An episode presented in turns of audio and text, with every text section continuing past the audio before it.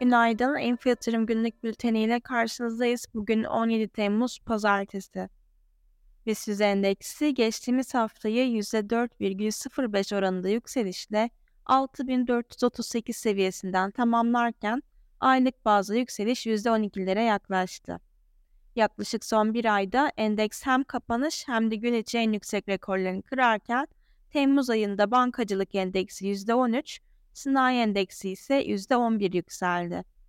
Geçtiğimiz hafta yurt içi piyasalarda haber akışı sakinken ABD'de enflasyon verileri takip edildi. ABD'de enflasyonun beklentinin altına gelerek baz etkisi kaynaklı düşmeye devam etmesi küreseldeki risk iştahına paralel yurt içinde destekledi. 26 Temmuz'daki FED toplantısında 25 bas puanlık faiz artışı beklenirken Eylül'de faizin değişmemesi bekleniyor. Bu hafta yurt içi piyasalar Türkiye Cumhuriyet Merkez Bankası faiz kararına odaklanacak. Rasyonel ve piyasa dostu açıklamalar ardından son toplantıda Merkez Bankası 650 bas puanlık artışla faizi %15'e çıkarmıştı.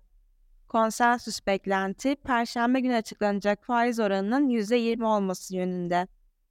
Akaryakıtta ise özel tüketim vergisi tutarları arttırıldı. Karara göre kurşunsuz benzinin litre fiyatı üzerinden alınan ÖTV tutarı 2,52 liradan 7,52 liraya, motorinin litre fiyatı üzerinden alınan ÖTV tutarı ise 2,05 liradan 7,05 liraya yükseldi. Otogazda ise 5,77 lira ÖTV alınacak.